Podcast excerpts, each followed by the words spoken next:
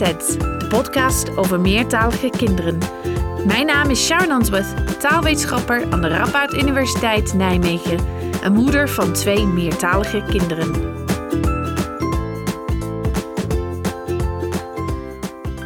Daar zijn we weer met een nieuwe aflevering van Kletsets. Dit keer gaan we een aantal boeken over meertaligheid bespreken. Dit doen we samen met verschillende gasten, zodat we verschillende perspectieven horen. Van ouder tot onderwijsadviseur, van wetenschapper tot leerkracht. We bespreken vier boeken in totaal, twee over meertalig opvoeden en twee over meertaligheid in het onderwijs. Best veel dus en daardoor is deze aflevering ook langer dan gebruikelijk, maar ook net op tijd om je leesmateriaal voor de vakantie te kunnen regelen. Veel luisterplezier! We beginnen met onze twee boeken over meertalig opvoeden. Deze bespreken we met wetenschapper Evelien Bosma en met twee vaders, volgens mij onze eerste vaders te gast hier op Kletsets. Dat zijn Colin Bom en Sam Timmermans. Zij voeden allebei hun kinderen met Nederlands en Engels op, maar wel in heel andere omstandigheden. Daar hoor je zo meteen meer over.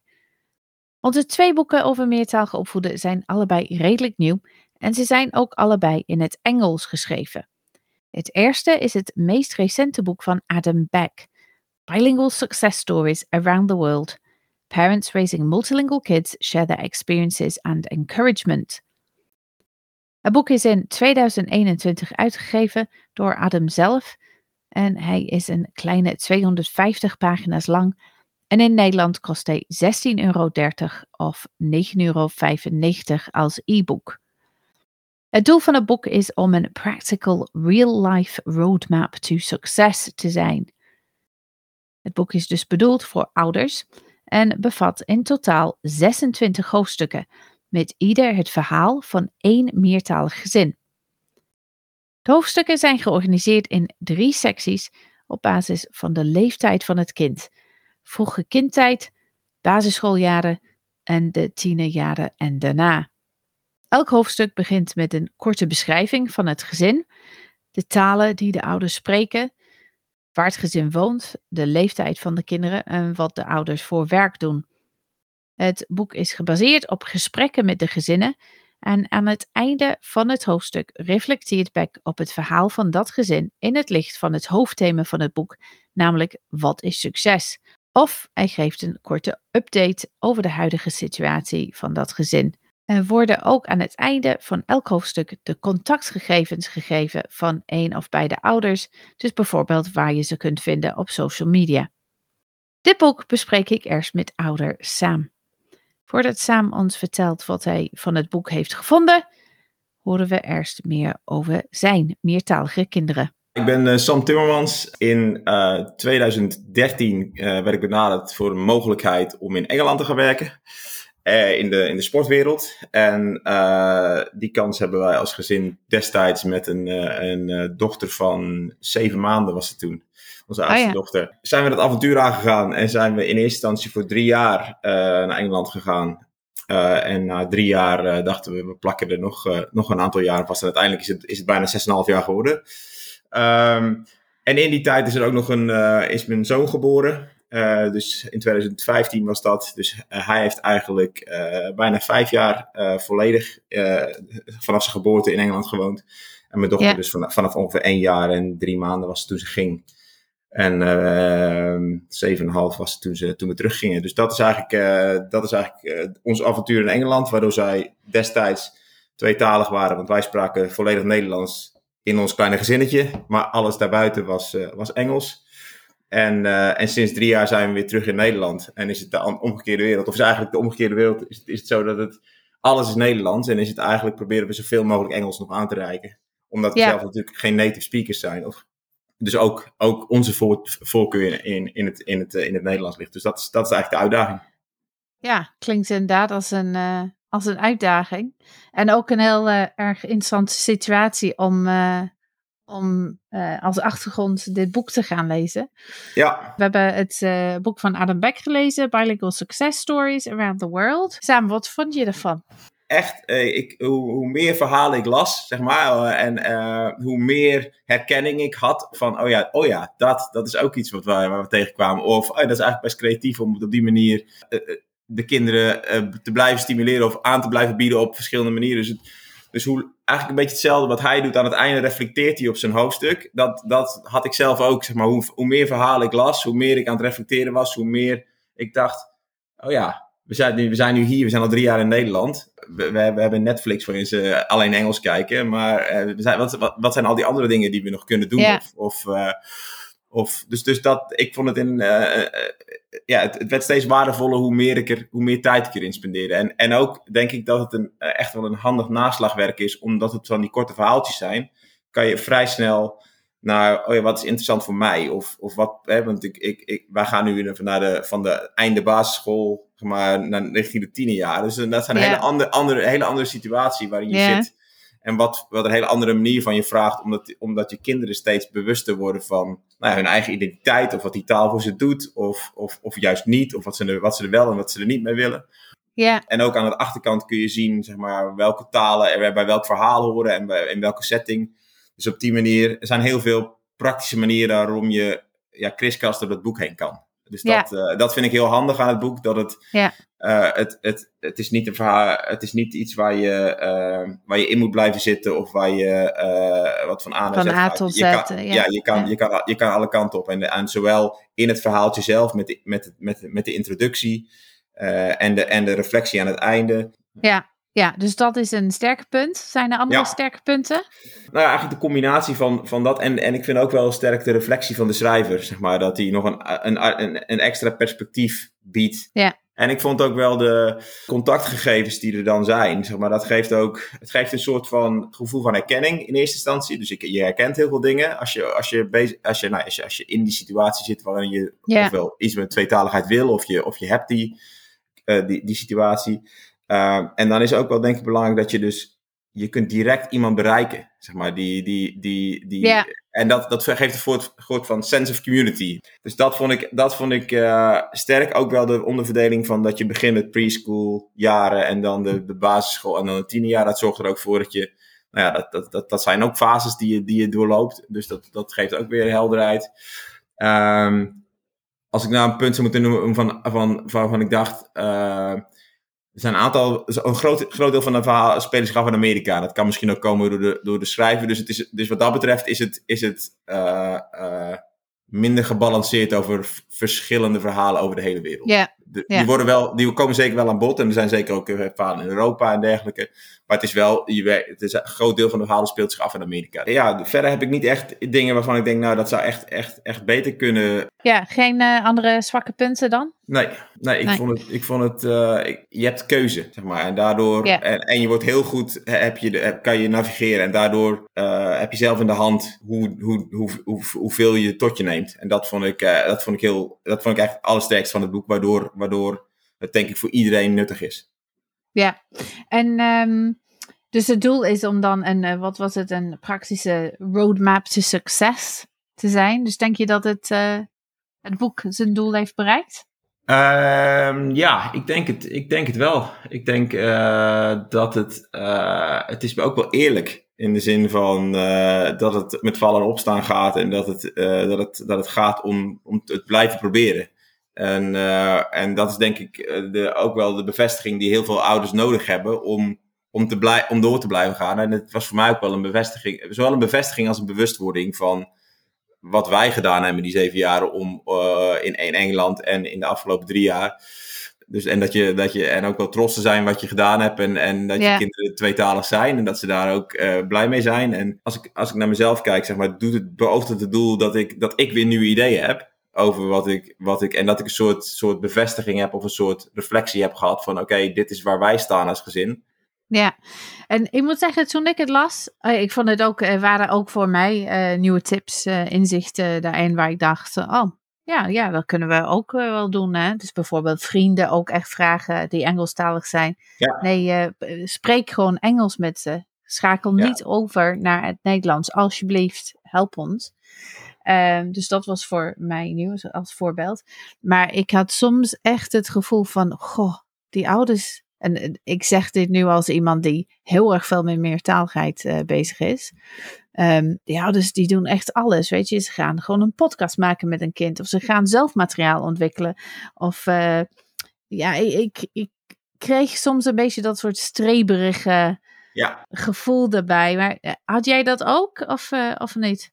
Ja, en dat is misschien ook omdat het, dat het Amerikaans geënt is. Het is, een, het is ook een beetje de, de, de, de, de good news. En daar, dat, dat is misschien ook wel dat, nu ik daarop reflecteer, het punt wat ik ook dacht is, zeg maar, voor mensen die, die niet zoveel tijd hebben of niet zoveel effort erin kunnen steken, is het dan, voelt het dan misschien een, een te grote op, opgave. Omdat je al, om, maar aan de andere kant zag ik ook wel in die verhalen dat, dat het ook wel gaat om, om het te blijven proberen. Ik kon daar wel doorheen lezen, maar ik kan me ook voorstellen dat andere mensen daar misschien minder doorheen kunnen lezen. En dat, dat, is, dat is wel een goed punt wat je zegt, dat de effort die mensen in de verhalen soms doen, die... Uh, die gaat misschien wel een stuk verder dan, uh, dan, dan het gemiddelde, de gemiddelde ouder. Ja, ja. Nou, je eindbeoordeling. Je hebt vijf uh, sterren. Vier sterren. Vier sterren. En dat was uh, praktisch naslagwerk, opgeschreven in overzichtelijke en gemakkelijke stijl. Als je het, uh, als je het even niet meer zit zitten, nieuwe inspiratie opdoen en, en, en, en, en, die community vinden. Ik had inderdaad ook nog, dat, het eindpunt wat ik had, is zeg maar, of dat is wat, wat relateert aan jouw punt. Hoe nuttig zou deze inzichten zijn voor vluchtelingen die noodgedwongen in een ander land komen? En hoe zouden die dat, hoe zouden die het lezen? Dus dat, dat is een beetje jouw punt in de zin, maar dat zijn wel de glory stories of de mensen die er heel veel tijd in kunnen, kunnen steken. Of je, kunt naar, je kunt naar een Russische school in Amerika. Of, dus, dus voor heel veel mensen is dit is het bereikbaar. Ja, ja. Dus je gaat, uh, je gaat uh, wat dingen, wat praktische tips uit het boek uh, toepassen? Ja, ik denk dat wij, wij op het punt staan om. ik, ik ga over zes maanden. Stop, ik werk nog steeds drie dagen per week voor mijn Engelse werkgever. Dus ik ben degene die nu nog veel met Engels bezig is. Maar over zes maanden gaat het, gaat het aflopen. Dus dan zijn we allemaal in Nederland. Dus dan heb ik ook het idee dat we. Het is voor ons allemaal relevant om, om Engels te blijven praten. En, dus, en ik denk wel dat de kinderen ook nu. Ze zijn nu zeven en tien. Dat ze nu ook wel oud, oud genoeg zijn om, om, uh, om daarin mee te willen gaan. maar. En, en, daar, en, daar, en daar de waarde van zien. En. Uh, en, en ook de, het blijven aanreiken van Engelse boeken voor mijn oudste. En de, jongste, de jongste is, begint er nu ook een beetje in. Ja, nou, ik ben heel benieuwd hoe het wordt over een paar jaar. Nou, leuk succes ermee. Dankjewel. Dank aan Sam voor het delen van zijn inzichten over het boek van Adam Beck. Zeker omdat hij op het moment dat wij met elkaar hebben gesproken midden in een verhuizing zat. Hetzelfde boek heb ik ook met wetenschapper Evelien Bosma besproken. Evelien is onderzoeker aan de Friske Academie in Leeuwarden was vorig jaar te gast op Kletset in een aflevering over het opgroeien met twee talen die op elkaar lijken, waaronder natuurlijk het Nederlands en Fries. Ik begon door haar te vragen wat zij van het boek vond. Ik vond het uh, wel een goed boek. Het geeft heel veel praktische tips voor hoe je de tweetalige opvoeding van je kind vorm kunt geven.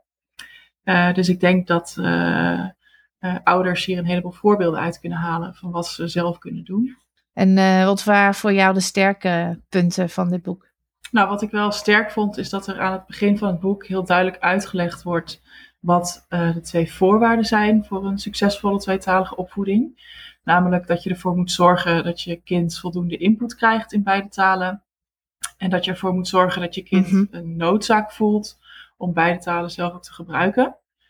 Uh, en de rest van het boek bestaat dan uit voorbeelden van verschillende soorten gezinnen die daar ieder op hun eigen manier invulling aan geven. En het boek biedt op die manier heel veel tips voor hoe je als ouders uh, een goede tweetalige omgeving kunt creëren voor je kind. Dus voorbeelden van tips die er gegeven worden zijn bijvoorbeeld uh, om schoolvakanties door te brengen met familie in het land van uh, de minderheidstaal. contact te zoeken met andere sprekers van de minderheidstaal. Dus als je bijvoorbeeld in de Verenigde Staten woont en je voedt je kind op in het Engels en het Frans. Uh, dat je dan op zoek gaat naar uh, andere sprekers van het Frans, zodat je kind niet alleen maar Frans hoort uh, van jou. Um, of bijvoorbeeld een oppas kiezen die die taal spreekt. En veel voorlezen en liedjes zingen in de minderheidstaal. en er worden zo superveel voorbeelden gegeven. en ik denk, ja, dat is fijn om dat als ouder te lezen, denk ik. Wat je allemaal zoal kunt doen. Ja, wat ik wel minder vond aan het boek is dat het, ja, het boek gaat over tweetalige succesverhalen over de hele wereld. Maar Uh, dat is wat het boek claimt. Maar de mensen die geïnterviewd zijn, wonen toch voornamelijk in de Verenigde Staten of in Europa. En er is één voorbeeld van een gezin dat in China woont en één voorbeeld van een gezin dat in Japan woont. Um, en zelf vind ik het wel een gemiste kans dat er geen voorbeelden zijn van mensen die bijvoorbeeld in Zuid-Amerika of in Afrika wonen. Mm Zeker ook omdat er op die continenten veel plekken zijn waar meertaligheid heel normaal is. Ja, het vooral verhalen van gezinnen die in een land wonen waar eentaligheid de norm is eigenlijk. Ja, en hetzelfde zou je kunnen zeggen, uh, er zijn ook geen voorbeelden in het boek van uh, meertaligheid in gebieden met een uh, lokale minderheidstaal, zoals het Baskisch in Spanje of het Fries in ja. Nederland. Ook geen voorbeelden van mensen die met verschillende dialecten opgroeien. Dus um, qua diversiteit had de auteur denk ik wel wat beter uh, zijn best kunnen doen. Ja. En een ander dingetje, ja, daarvoor ben ik ook wel benieuwd uh, wat jij daarvan denkt, uh, Sharon, is dat er ook een paar verhalen tussen zitten van niet-moedertaalsprekers. Mm -hmm. Die met hun kinderen een taal spreken die ze zelf pas op latere leeftijd geleerd hebben. Mm -hmm. En die verder dus ook niet gesproken wordt door mensen in hun omgeving. Dit zijn allemaal mensen die graag willen dat hun kinderen goed Engels leren. Ja. En zelf vind ik dat dat in het boek wel vrij optimistisch uh, gepresenteerd wordt. En ik kreeg zelf eigenlijk ook bijna het idee dat je je kinderen iets ontzegt als je dat dus niet zou doen. Uh, maar ik vind zelf dat er in het boek wel wat meer kanttekeningen bij geplaatst hadden mogen worden. Want ja, voor de taalontwikkeling van een kind is het heel belangrijk dat de taal die het kind hoort heel rijk en divers is. Dus veel verschillende woorden, veel verschillende grammaticale structuren. Um, en in een taal waarin je zelf minder vaardig bent, heb je als ouders dus ook gewoon minder te bieden. Um, dus ik zou daarom aanraden om met je kinderen alleen een andere taal dan je moedertaal te spreken, als je die taal echt heel erg goed beheerst. Ja, en wat dat, je bedoelt vanuit, uh, want jij bent hier natuurlijk als wetenschapper. Uh, maar bedoel je dat het misschien niet rijmt met wat de wetenschap uh, laat zien? Nou ja, wat de wetenschap laat zien is dat, ja, dat je een hele een zo rijk mogelijke taalomgeving moet creëren voor je kind. Um, en ja, daarom wordt, is ook het advies um, om dus met je kind je moedertaal te spreken. Dus als jij een spreker bent van het Arabisch en je bent in Nederland, ja, er wordt nog steeds in Nederland ook wel het advies gegeven aan die ouders om dan Nederlands te praten met hun kind, omdat de kinderen niks aan het Arabisch zouden hebben. Maar het is juist heel belangrijk dat die mensen wel Arabisch spreken tegen hun kind, zodat die kinderen hun Arabisch zo goed mogelijk ontwikkelen, dat dat de basis wordt om daarna op school uh, Nederlands te leren. En hoe beter hun basis is in het Arabisch, hoe makkelijker ze dan Nederlands erbij leren. Ja, ja dat is het. Hè? Dus ik denk dat het uh, best tricky is. Um, uh, dus ik ben met jou eens dat uh, misschien wat kanttekeningen erbij had gemoeten met, ja, of weten we, wat weten we eigenlijk vanuit het onderzoek op dit gebied. Toch denk ik dat het spreek je moedertaal prima als een, een, een richtlijn. Tegelijkertijd denk ik dat het wel oké is om een taal te spreken die niet je moedertaal is. mits je dat goed genoeg spreekt. En de vraag is, wat is goed genoeg? Nou ja, dat weten we. We weten dat het een effect is. Hè? Dus uh, ik heb zelf onderzoek hiernaar gedaan. Dus uh, hoe beter als je als niet-moedertaal spreekt en taal spreekt met je kind, hoe meer taalvaardigheid je bent uh, in die taal, hoe, ja, hoe verder gevorderd de taalontwikkeling van je kind is. Dus dat, dat is ook best logisch. Maar we weten niet, denk ik, over ja, op, waar is een grens waar dat eigenlijk niet oké is. Um, maar daarvoor moet je echt het totaal plaatje zien, wat je net zei, van wat voor andere bronnen van taal zijn er voor dat kind om uh, meer taalaanbod te krijgen. Maar ik ben met jou eens, soms dacht ik, ja, dit is allemaal uh, ja, een beetje streberig. Ja, een beetje elitair, zeg maar. Ja. Ja, en, ja. en dat zeg maar in combinatie met um, nou ja, die, die meertaligheid die dan in het boek besproken wordt, is een beetje op een streberige manier dan inderdaad. En um, nou ja, eigenlijk de, de situaties waarin meertaligheid uh, heel natuurlijk, gewoon op natuurlijke manier voorkomt, die wordt eigenlijk niet besproken in het boek. Dus de type gezinnen en de type meertaligheid uh, is niet divers genoeg voor jou. Dus dat is, is een zwakke punt van, uh, van het boek. Ja, maar desalniettemin, ik was wel enthousiast over het boek, want het geeft wel heel veel tips voor hoe je een goede meertalige omgeving voor je kind kunt creëren. En in die zin was het gewoon was het, was het wel goed. En al die ouders die uh, komen uh, zelf toch ook weer net op een iets andere manier met tips. Uh, ja, ik bedoel, er zijn een aantal tips die de hele tijd weer terugkomen, maar toch ook weer net een beetje anders. En mm. ja, die tips die waren wat mij betreft gewoon wel divers genoeg. waren type mensen was dat dan niet. Ja, en ik denk de, de, ene, de ene ouder was wat fanatischer dan de andere. Dus uh, er bestond niet materiaal, dus ging het, gingen ze het zelf helemaal ontwikkelen en uh, uitgeven en een podcast maken met een kind. Ja, en niet ieder ouder wil dat of uh, kan dat. en dat lijkt mij ook, ook prima. Ja, en er waren ook een paar voorbeelden van mensen die zeiden van nou, het ging in het begin eigenlijk helemaal niet zo heel goed met uh, de, de, de tweetaligheid van onze kinderen. En toen hebben we onze strategieën aangepast. Uh, bijvoorbeeld ouders die besloten om thuis dan alleen nog maar de minderheidstaal te spreken. Yeah. Omdat ze zagen dat die toch niet zo goed opgepikt werd door de kinderen. Nou ja, dus in die zin waren het ook, ja, dan werd het wel uiteindelijk een succesverhaal. Maar wel op een manier dat het in het begin eigenlijk helemaal niet zo goed ging. En dat vond ik dan wel weer goed om te laten zien van, oh ja, het is niet zo dat het altijd maar lukt. Uh, ja. En je moet misschien ook je, hoe je het aanpakt uh, gaandeweg wat, wat bijsturen. Ja. ja, dat is vast, vast, vast wel een onderwerp dat we zo meteen uh, zullen bespreken als we bij het tweede boek komen. Ja. Um, dus voordat we dat doen, denk ik, ja, tenzij er andere dingen zijn die je kwijt wilt over boeken, dan wil ik je vragen om je eindoordeling te geven. Je hebt vijf sterren. Ja, ik geef het boek vier sterren. Want ik vind dat het boek veel praktische tips geeft voor de tweetalige opvoeding van je kind. Mooi. Nou, dan gaan we door naar het tweede boek. Het tweede boek, uh, ook in het Engels. Ook een vrij recent boek uh, uitgegeven, ook in 2021 eigenlijk. Het is een boek dat ik vaak heb genoemd eigenlijk op de podcast. Bilingual Families, A Practical Language Planning Guide door Eowyn Crisfield.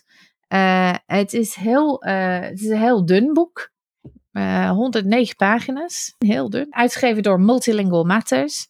En hij kost in euro's een kleine 13 euro. Het doel van het boek is om een gids te zijn voor ouders om hun kind meertalig op te voeden door gebruik van een family language plan. Dus een, ja, hoe zou jij dat vertalen eigenlijk? Een familietaalplan? Familietaalplan, echt zo. Soms kan het zo simpel zijn. Hè? bestaat ook uit drie onderdelen. De eerste deel is, uh, gaat eigenlijk over de, de mythes rondom uh, meertaligheid. Dus eigenlijk een, wat is feit, wat is fictie. Alles wat je moet weten op basis van de wetenschap. Tweede sectie, deel, gaat eigenlijk uh, over die uh, familietaalplan, family language plan. Dus uh, nadenken over je doelen, uh, wat, wat dat precies is. Zo'n plan, wat het inhoudt. En in het derde deel ga je eigenlijk aan de slag met die family language plan. Dus wat kun je doen om ervoor te zorgen dat die plan wel werkt. Aan het einde van elk hoofdstuk komt er een samenvatting van de inhoud ook met, uh, bestaan ook veel concrete suggesties voor strategieën om dingen in gang te zetten. En ook zijn er een paar werkbladen voor ouders die ze kunnen invullen. Dus dat in een notendop. Evelien, wat vond je hiervan? Ja, ik ben best wel uh, enthousiast over dit boek. Uh, want het geeft een heel goed overzicht van de laatste wetenschappelijke inzichten. En van de taalkeuzes die je binnen je gezin kunt maken. En wat dit boek uh, heel sterk maakt, is dat het een heel goede verbinding uh, maakt tussen wat de wetenschap zegt over tweetaligheid en wat je daar in de praktijk als ouder mee kunt doen. Er worden verschillende strategieën besproken van hoe je binnen je gezin om kunt gaan met de verschillende talen. En er wordt heel duidelijk uitgelegd wat de voor- en nadelen zijn van die verschillende keuzes. En wat de beste keuze is, uh, dat verschilt per gezin van de situatie en het boek helpt ouders om die keus uh, te kunnen maken. Verder geeft het boek ook handige tips voor hoe je om kunt gaan met andere mensen die die meertalige opvoeding uh, eigenlijk niet zo zien zitten. Zoals leraar op school of ehm, familieleden die het nut van de minderheidstaal niet inzien. Ja, um, schoonfamilie vaak. Hè? Schoonfamilie. en dat uh, vond ik ook wel goed gedaan. Omdat het, denk ik, precies het steuntje in de rug geeft wat je nodig hebt. En wat ik tot slot ook heel sterk vond aan het boek, is dat het ook ingaat op uh, tweetaligheid in combinatie met bepaalde uitdagingen uh, in de ontwikkeling van een kind. Zoals bijvoorbeeld een taalontwikkelingsstoornis, ADHD of het syndroom van Down. En hier is de auteur heel duidelijk over. Ook uh, voor deze kinderen is tweetaligheid geen probleem. Ja. Um, en ja, ik denk dat vooral ouders die een kind hebben uh, ik kan me voorstellen dat ouders twijfelen of ze wat goed doen, maar er wordt heel duidelijk uitgelegd waarom die tweetaligheid dan toch een goed idee is. Zeker als je als ouder um, de taal van het land waar je woont zelf niet goed genoeg beheerst, is het eigenlijk een ramp voor dit soort kinderen als je dan hun thuistaal weghaalt.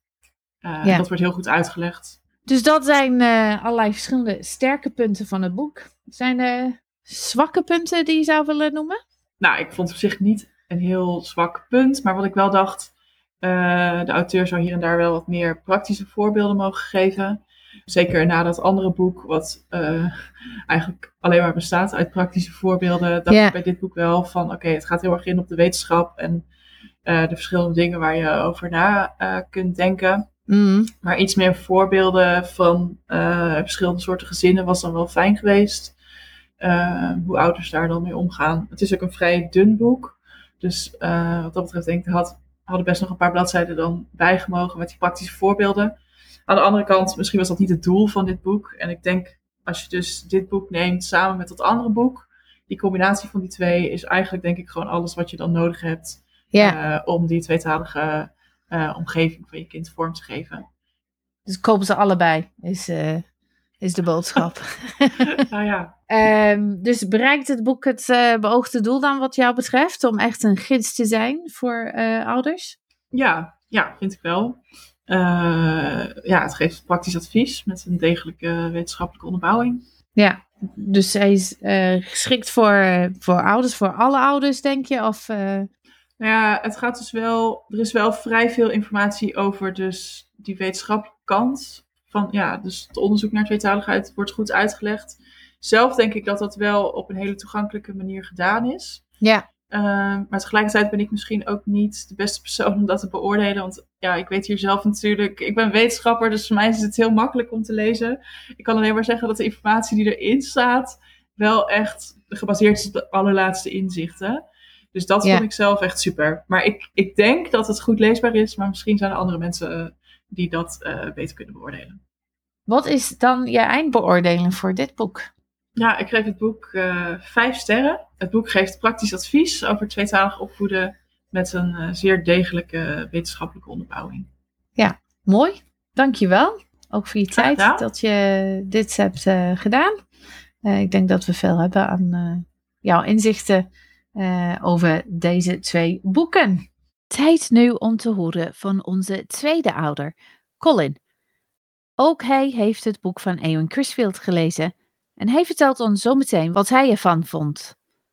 Maar eerst stelt hij zichzelf even voor. Ik ben uh, Colin Bob en ik ben uh, vader van twee jonge kinderen. Matthew en Sophie. ik ben getrouwd met een Engelse. Ik ben zelf Nederlands, hoewel mijn naam misschien anders doet vermoeden. Ben ik gewoon geboren en getogen in de buurt van Alkmaar. En heb ik ook in Nederland mijn, mijn, school gedaan en mijn universiteit. Uh, maar ben daarna een aantal jaar heb ik in uh, Londen gewoond en gewerkt. Uh, en daar heb ik mijn, mijn vrouw Kate leren kennen. Een, een, echte Engelse. Nadat we getrouwd zijn, hebben we, nou ja, twee jaar geleden hebben we Matthew gekregen. En Sophie is inmiddels negen maanden oud. We, we spreken thuis, ja, met elkaar eigenlijk, hebben we eigenlijk altijd Engels gesproken. en wij wonen dus al, al geruime tijd met elkaar in Den Haag. Uh, en, en, zo ook met, uh, met, met de kinderen. Zij is uh, Engels lerares op de basisschool altijd geweest. En doet dat ook hier nog steeds hier in, in Den Haag op de Europese school. Zij ziet ook allerlei meertaligheid om zich heen. Maar nu gaat het om onszelf en onze eigen kinderen. En ja, dat, dan begin je ook te denken van, oh, hoe gaan we dit aanpakken? En, en wat, wat, wat willen we daarmee? En ja, het is een, ehm, het is een beetje een zoektocht voor ons. We hebben weinig voorbeelden om ons heen waar we ons aan vast kunnen klampen. Dus uh, toen ik de uitnodiging kreeg om, om, om mee te doen en een, en een boek over dit onderwerp te, te lezen, wat me wellicht uh, ja, een beetje goed kan laten beginnen op die, op die, eh, die reis van, van meertaligheid, voor, ja, voor, voornamelijk voor mijn kinderen, um, vond ik heel leuk om, om daar op in, op in te haken. Ja, nou dan ben ik natuurlijk heel benieuwd wat je van het boek vond. Ja, ja, nou, ik, ik, ik wist ook niet van tevoren wat ik natuurlijk helemaal wat, er, wat erin zou gaan, gaan, gaan staan. Uh, ik, zoals ik vertelde, ik zit echt nog aan het, aan het. We zitten nog helemaal aan het begin van onze reis. Onze kinderen zijn nog heel erg jong.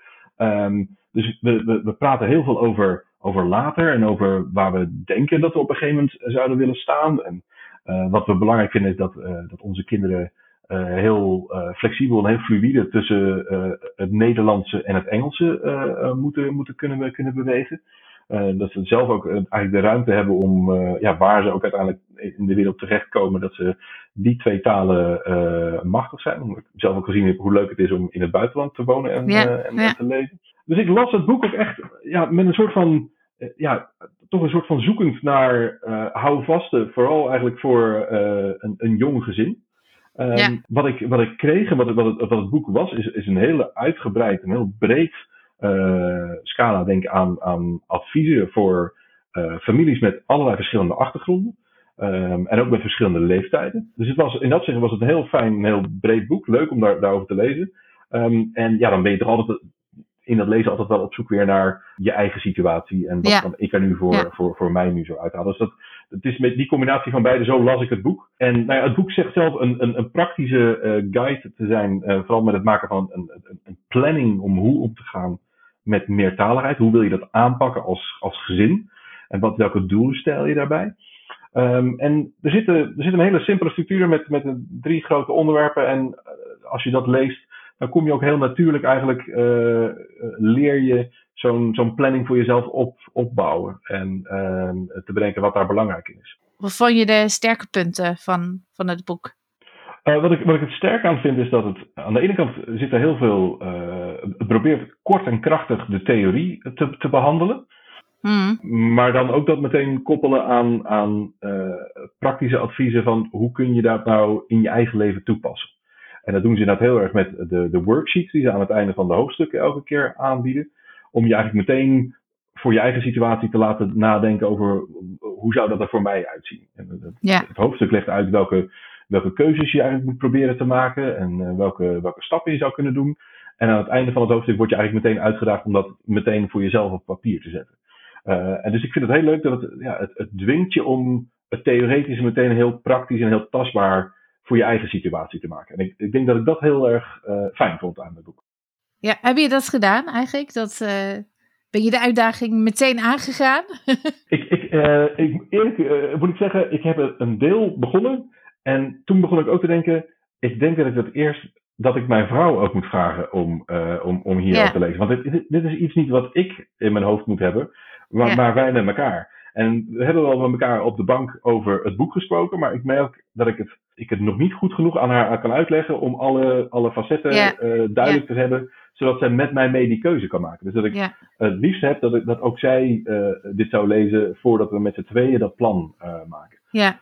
Maar het, het, het geeft al wel weer, ja, het geeft tot stof tot nadenken voor mezelf. En het geeft ook echt wel stof tot, tot discussie over, met z'n tweeën over hoe we dat zien. En we zijn natuurlijk nog helemaal aan het begin, dus we hebben alleen een soort van lange termijn visie gecombineerd met een soort van angst van doen we het nu goed met deze jonge kinderen. En zeker als we natuurlijk nog, uh, eigenlijk nog niet echt zelf heel veel praten of helemaal nog niet ja. praten. Dan Ja. weet je natuurlijk niet of je het, ja, of het voelt lastig om te bepalen of je het goed doet of niet. En uh, ik moet zeggen, dat vond ik ook nog wel een, een ander fijn punt aan het boek. Helemaal aan het einde wordt gesproken over wanneer uh, moet je nou aan de bel trekken als je het gevoel hebt dat iets niet lekker loopt. Ja. Want ik denk dat in, in deze reis de angst dat je de verkeerde dingen doet, uh, die is er gewoon heel erg. En als je niet hele uh, ja, goede voorbeelden in je eigen omgeving hebt, dan. Ik was met dit boek echt op zoek naar, naar adviezen daarin. Ehm, en wat ik heel fijn vond is dat het boek ook ingaat op een wanneer moet je je nou zorgen maken over dat er, als, als, dat er iets niet goed is, dat er iets niet lekker loopt met je kind of dat je moet, moet hulp moet vragen. En dat, dat, er zitten hele praktische punten in en daar wordt ook af en toe gezegd van ja, dit zeggen een hoop mensen of een hoop mensen maken zich zorgen over, maar dat, dat is niet nodig. Ja. Ehm, dus dat, dat vond ik een heel fijn, hele fijne nagedachte aan het einde van het boek dat ik dacht, ah, ik, ik voel me een soort van uh, ja, tot rust gemaand. Uh, en ik weet nu ook een beetje wanneer ik wel in actie moet gaan springen. Of wanneer ik me wel zou zorgen maken. Of bij wie ik moet aankloppen als, ik, als ik het gevoel heb dat, dat er iets niet de goede kant op gaat. Ja, wat vond je van de lengte? Uh, met, uh, met een kleine honderd pagina's is dat, is dat goed te doen. Dus ja, je leest het in een paar avonden uh, uit. En dat is, voor mij is dat, is dat fijn. Zeker met kleine kinderen is het, dat is voldoende. Andere sterke punten? Ja, wat ik, wat ik, waar ik zelf, ik, ik, kom een beetje uit een academische achtergrond, dus ik vind altijd die, de theorie en de mythes die daar omheen bestaan, vind ik altijd super interessant. En het eerste hoofdstuk gaat daar heel erg in over die theorie, maar ook vooral die, die mythes. Welke dingen zijn er nou wel en welke dingen zijn er nou niet waar als het gaat om meertaligheid. Um, en ja, dat, vind ik, dat vond ik heerlijk om te lezen. Uh, gewoon, gewoon leuk om te zien welke dingen die mensen tegen je zeggen of welke gedachten die je zelf hebt. Welke kloppen nou echt um, en, en welke ja. uh, zijn helemaal niet waar. Uh, en dat gaat ook heel praktisch, dus dat vond ik leuk ja. om te lezen. Ja, en als je geen academische achtergrond zou hebben, denk je, is moeilijk om te bedenken hè, hoe, je, hoe je zou denken als een andere persoon. Wat, de, wat denk je van het, van het, van het niveau? Um, ik denk het niveau van het Engels is, is, is ook wel voor, voor anderen gewoon goed te doen. Maar het is wel, het is wel echt op een. Op een uh, het is een heel gestructureerd boek. Wat duidelijk alle punten uh, over een bepaald onderwerp netjes wil uh, benoemen en behandelen dat maakt het aan de ene kant redelijk uh, breed, maar ook uh, redelijk droog uh, soms qua opzom, opzommingen. De dingen die, die, ja, ja. waar je over moet nadenken. En wat ik soms een beetje miste was misschien meer ook de praktische voorbeelden uit de ervaring van de schrijver. Er zitten een paar voorbeeldgezinnen in. En dat is eigenlijk juist heel erg leuk om te lezen. Omdat je dan toch eigenlijk een beetje zoeken bent, hoe, hoe hebben mensen dat dan gedaan? Ik denk dat ik dat misschien nu op dit moment in mijn, op mijn plek, in mijn reis, heel erg op zoek van uh, voorbeelden van anderen hoe, hoe zij dat hebben aangepakt met, uh, met, met, hun kinderen. En, en dat biedt het boek wel, maar dat had wat mij betreft nog wel wat meer gemogen. En ik denk als je het makkelijk leesbaar voor een bredere groep wil maken, dan, dan zou dat volgens mij, zou ik dat nog meer adviseren. Meer praktijkvoorbeelden. Ja, ja. Dus misschien een, een, een tip voor een tweede editie of een, een website of zo die erbij zou kunnen gaan of zoiets. Ja, ja. Um, andere zwakkere punten? Omdat het boek wil graag alle type gezinnen omschrijven. Met alle verschillende mogelijkheden qua talen. Uh, wil je tweetalig opvoeden en de talen die je allebei spreekt? Of gaat het juist om een taal die alleen maar uh, in het land uh, wordt gesproken en je niet thuis spreekt?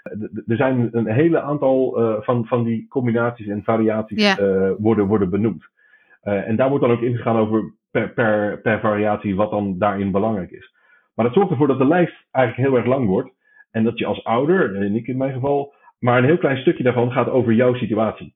Dus ik vind het best aardig om ook te lezen hoe het voor andere mensen zo is. Maar ja, ik ben echt op zoek naar informatie over hoe kan ik het nou uh, aanpakken en ik dat kan doen. En uh, ik vond het soms dat het, ja, het boek door zijn, uh, zijn wens om heel compleet te zijn in, voor alle type achtergronden van, van gezinnen en taligheid. Dat het af en toe ja, een beetje de diepte per per, per ja, achtergrond of per gezin, zeg maar, eh, een beetje mist. Ja. Uh, ik, ik had nog wel graag wat meer over uh, mensen in mijn uh, situatie willen lezen. Ja, ja. het doel van het boek is eigenlijk om een, een praktische gids te zijn, hè, met, door middel van die Family Language Plan, dus de taal, taalplan. heeft het boek voor jou dat doel bereikt? Ja, want ik, ik, denk het wel. Want ik, kijk er nu naar uit om dus met mijn vrouw hiermee aan de slag te gaan en te bedenken hoe gaan we, waar, hoe gaan we dat invullen. En uh, ik denk dat het boek ons een aantal handvatten heeft gegeven om, uh, om, om dat te kunnen doen. Um, en ook een aantal ideeën over wat we kunnen verwachten en wat we niet uh, moeten, moeten, moeten verwachten. Um, en ik, ik, denk dat het nu, de volgende stap is ook wat, wat meer de verdieping juist in die eerste jonge fase waar we nu in zitten. Met, met jonge kinderen die ja, voor een heel deel, zoals ik al zei, uh, niet echt nog uh, zelf uh, echt spreken. Um, ja, die verdieping, die, dat, is, dat is de volgende stap waar ik eigenlijk naar op zoek ben als het gaat om extra literatuur over, over het onderwerp. Ja, ja. En uh, nou, nu is de tijd uh, voor de eindbeoordeling. Ja. Je hebt vijf sterren. Het is een beetje als dit. Ja, precies. Ja. wat, geen reclame trouwens. Andere, andere verzorgers zijn ook beschikbaar. Wat geef je het? Ik geef het boek vier van de vijf sterren. Um, omdat ik uh, het, eigenlijk een hele goede eerste start voor mij vond om over het onderwerp uh, na te denken. En het ook me meteen helpt om daar heel concreet over mijn eigen situatie na te denken. Um, wat ik al aangaf, dat ik soms de diepte die ik af en toe miste, zorgt voor mij ervoor dat ik niet een, een 5 uit 5 sterren voor dit boek uh, zou geven. Ga je het aanraden aan andere vrienden of gezin, uh, familieleden die meertalige kinderen hebben? Ik denk als, ik, als mensen uh, in onzezelfde situatie zitten, dan denk ik dat dit een prima boek is om aan te raden. om ook inderdaad over dit onderwerp ja, een keer gestructureerd na te denken. Ja. ja. Nou, mooi. Nou, heel erg fijn om uh, jouw uh, inzichten over het boek te horen. En om te horen hoe je het hebt ervaren. Uh, bedankt voor je tijd en succes met het meertalig opvoeden. Dankjewel. Ik ben heel benieuwd of Colin inmiddels aan de slag is gegaan met het schrijven van zijn Family Language Plan. Mocht je meer willen weten over dit onderwerp, dan luister naar aflevering 9 van het allereerste seizoen van Kletsets. Daar spreek ik met Eowyn Crisfield, auteur van dit boek, over het opstellen van zo'n plan en hoe je dat het beste kunt aanpakken. Wil je van een ouder horen die zo'n plan heeft geschreven en ook bijgesteld? Luister dan naar de eerstvolgende aflevering van de Engelstalige editie van Kletset. Daar bespreken we ook deze twee boeken met drie Engelstalige gasten. En in Let's Klets horen we van zo'n ouder. Ja, mocht je dat uh, nog niet weten, Kletsets bestaat ook in het Engels. Dus een heel mooie tip als je mensen kent die kletsets interessant zouden kunnen vinden, maar geen Nederlands kunnen. Wat vond ik van deze twee boeken? Ik deel de meningen van onze drie gasten. Als je op zoek bent naar veel voorbeelden vanuit de praktijk, dan kun je het beste het boek van Adam Beck nemen. Maar wil je liever meer wetenschappelijke achtergrond hebben en tegelijkertijd ook concrete aanwijzingen voor hoe je het meertalige opvoeden van je kind kunt aanpakken, dan zou ik voor het boek van Eowyn gaan. En zoals Evelien al aangaf, heb je met beide boeken ook een mooie combinatie van theorie en praktijk. Wil je kans maken op een kopie van een van deze boeken, dan ga snel naar onze Instagram-pagina. Want daar, dankzij uh, Adam, Eowyn en Multilingual Matters, hebben wij van beide boeken één exemplaar om weg te geven. Deze actie loopt tussen 1 en 15 juli, hè, dus je moet er echt snel bij zijn. Vind ons op Insta at kletsetsnl. De NL is belangrijk. Het kletsets zonder NL is voor de Engelstalige editie. Dus ga snel naar Instagram en dan kan je meedingen om een kopie van een van de twee boeken te winnen.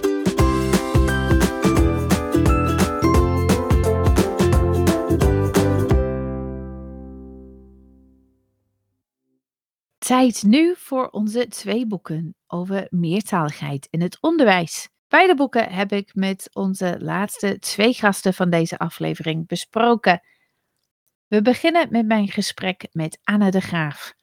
Anna heeft een achtergrond in de taalwetenschap en heeft heel lang gewerkt bij meertalig.nl. Sinds een paar jaar werkt ze als onderwijsadviseur taal en meertaligheid bij het ABC, een onderwijsadviesbureau in Amsterdam. Onze twee boeken over meertaligheid in het onderwijs zijn beiden in het Nederlands geschreven. Het eerste is Talen die de school inkomen, kansen voor een multidiverse basisschool, geschreven door Lidie Peters. Het boek is uitgegeven door Lano Campus in 2021 en telt zo'n 287 bladzijden.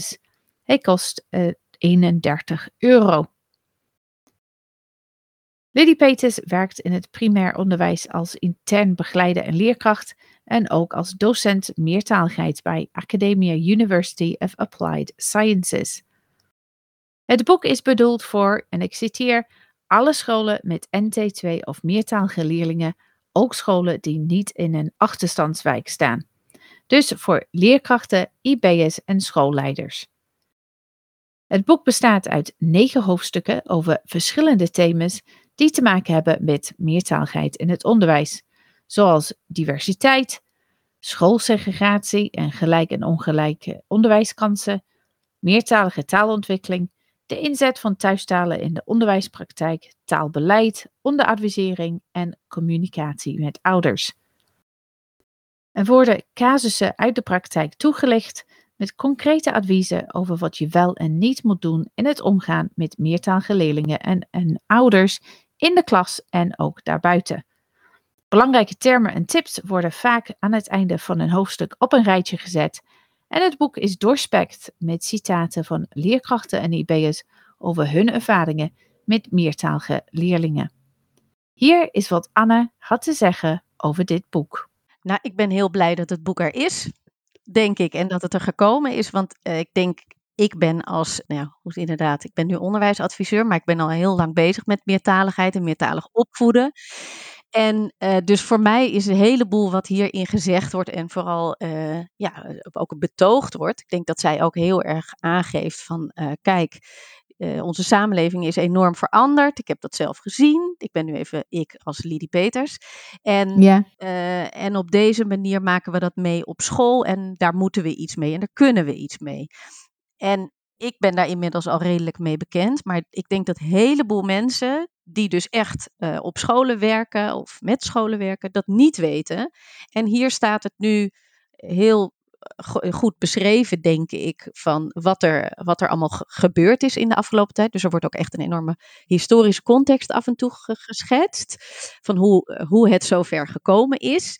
En um, en dat het dus echt ook, uh, en wat het ook bij haar, denk ik, teweeggebracht heeft in een soort verandering in het denken over uh, meertalige achtergronden en wat je daar dan mee uh, moet op school, of en eigenlijk wat je daarmee kunt. en dat was denk ik eerder, maar correct me if I'm wrong, nog niet zo op deze manier opgeschreven of beschreven. Ja, nee, dat denk ik ook inderdaad. Ja, en het is een mooie mix van uh, inzichten vanuit theorie en praktijk en haar eigen persoonlijk verhaal.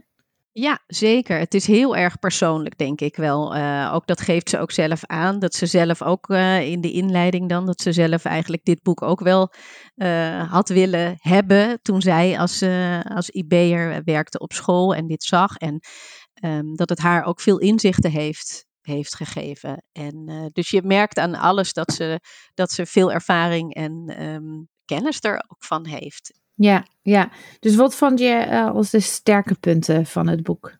Nou, ik denk dus dat om te beginnen. Dus het feit dat zij heel erg vanuit haar eigen ervaring uh, je meeneemt als lezer in, in die schoolervaring en wat er allemaal is gebeurd ook dus op die scholen. Dus die, die dat historische perspectief aangeeft en ook de worstelingen die daarmee gepaard gingen van wat moeten we nou? Moeten we die kinderen die moeten Nederlands leren en gaan we ze dan dus in de eigen taal lesgeven en daarnaast eh, in het Nederlands op school begeleiden? Of nee, het moet eigenlijk allemaal Nederlands zijn en oh jeetje, wat werkt dat allemaal in de hand? We moeten, ja, dus zo. En uh, ja, dus echt ook wat ik zei van die, het besef van we moeten een andere kijk krijgen op die uh, meertaligheid. En uh, ja, ik denk dat het op die manier ook wel echt een, een bijna een soort call to action is. Uh, ja, nou ja, activistisch zou ik het niet willen noemen, maar wel echt heel duidelijk stelling innemend daarin. En dat het voor veel mensen een eye-opener kan zijn die dit lezen. In jouw werk als onderwijsadviseur ben je mensen tegengekomen, leerkrachten tegengekomen die die het boek hebben gelezen en het ook dusdanig hebben ervaren? Of dat nog niet? Uh, ik, heb, ik heb volgens mij nog niet uh, leerkrachten gehad die het hebben gelezen. Wel die, uh, die ik heb gezegd van, oh, dit is waarschijnlijk interessant. Ik heb het wel in mijn beleving, maar dat, dat ik het eerder tegen bijvoorbeeld aan IB'ers adviseer of aan directeuren. omdat het toch en nou komen we denk ik misschien meteen ook een beetje op het zwakke gedeelte van het boek. Of zwak vind ik een beetje misschien niet een, een goede term, maar dat ik denk, ja, eh, misschien iets minder ehm, dat ik denk dat het voor, leer, uh, voor leerkrachten best wel lastig te lezen is. Omdat het dus, want je gaf het ook al aan uh, zelf in, in de notendop van, van wat het boek precies allemaal behelst. Het is heel erg veel. En daar zit dus dan ook die geschiedenis nog allemaal bij. En ik denk dat dat voor veel leerkrachten niet zo, um, tenminste de leerkrachten die ik tegenkom, die willen gewoon oké, ik zit hiermee, ik wil daarmee aan de slag. En er staan een aantal mooie praktische dingen in, maar misschien net iets te aan de oppervlakte blijvend uh, voor wat een leerkracht echt wil. Die wil gewoon, oké, uh, geef me een stappenplannetje of uh, geef me echt zoveel tips of kan ik ergens nog iets verder vinden aan materiaal. Ja, dus, dus jij zou hem eerder aanraden voor, voor IB of schoolleiding? Dat denk ik, ja. Dus of, en of iemand anders die hier net mee, bij komt kijken, zeg maar, van onze school, die gaat iets doen met meertaligheid en waarom eigenlijk. Ja, ja. En andere uh, pluspunten? Um, even kijken, ja, dus die, inderdaad, dat het, ja, het is ook wel weer een pluspunt dat het zo breed ja. is. Want je hebt ook wel meteen het gevoel, oh, ik heb wel echt meteen een overzicht. Dus dat is dan ook wel weer eh, het ja. pluspunt. En, en het is dus ook voor daar, daarmee, want je gaf al aan van het is. Uh, het, het, het, boek is eigenlijk voor alle scholen met NT2-leerlingen. Uh, uh, en, maar ik denk juist dat het ook voor mensen daarbuiten wel interessant is. Dus die juist niet per se op die scholen zitten, maar gewoon weer meer willen weten over dat onderwijs op, op dat soort scholen, of misschien wel op alle scholen. Mm -hmm. En um, andere sterke punten of andere zwakkere punten? Nou, wat ik, wat ik zelf heel erg miste, was denk ik voor, ja, ik, maar goed, dat is dus weer omdat ik natuurlijk niet per se uh, helemaal met, uh, op, die, op de praktijk, uh, in de praktijk sta, maar juist er een beetje bij, buiten, is dat ik me heel vaak afvraag, oh, waar is daar nog meer over geschreven? Dus ik miste hier in heel erg de literatuurlijst. Er zitten heel veel verwijzingen in, dus ja. in de tekst. en ook bronnen staan of noten staan eronder. Maar ik zou heel graag een, uh, ja, gewoon toch een, literatuurlijst hebben. Ja, dus misschien uh, een, een tip voor, voor de tweede editie. Nou, precies. En ik, en ik was en uh, dus ook, het is natuurlijk wel heel erg geschreven voor Nederlandse scholen. Terwijl in Vlaanderen, en dat zullen we straks als we het over het andere boek hebben, ook uh, te horen krijgen. In Vlaanderen en andere Nederlandstalige gebieden uh, wordt ook al heel erg veel uh, met meertaligheid en aan meertaligheid besteed. Of aan uh, talensensibilisering mm -hmm. of aan talen in school. En het, dat is jammer dat daar, dat daar hier niet uh, in zit. Ja, en ver, verder andere dingen die je graag kwijt wilt over dat boek? Ja, ik ben zelf dus, maar dat is, dat is denk ik ook iets persoonlijks. Ik ben zelf minder van het gebruiken van de term NT2 en meer van meertalige leerlingen of leerlingen met een uh, meertalige achtergrond. En ook zoals zij inderdaad in haar inleiding of het voorwoord zei, zoals jij dat net ook citeerde. Want daar staat dus dan in voor alle scholen met NT2-leerlingen. En denk ik, ja, ik weet niet of we daar dan echt letterlijk kinderen die Nederlands als tweede taal um, leren mee willen bedoelen. Maar misschien dus ook wel kinderen uit uh, uh, ja, uit meertalige gezinnen waar ook veel meer talen worden gesproken. En misschien Nederlands niet eens als tweede taal, maar als derde of daarnaast. Of, of een van de eerste talen, ja. Maar volgens mij uh, heeft ze dat ook benoemd ergens, dat die discussie over NT2 en, en meerta meertalig, en, ja, het gebruik van die termen. Ja zelf vond ik structuur niet altijd, soms niet helemaal goed volgen. Waar je dacht, oké, dat is relevant, maar waarom zeg je dat nu? Uh, ik bedoel, er was niks erin waar ik dacht, waarom, uh, dat ho hoef ik niet per se te weten.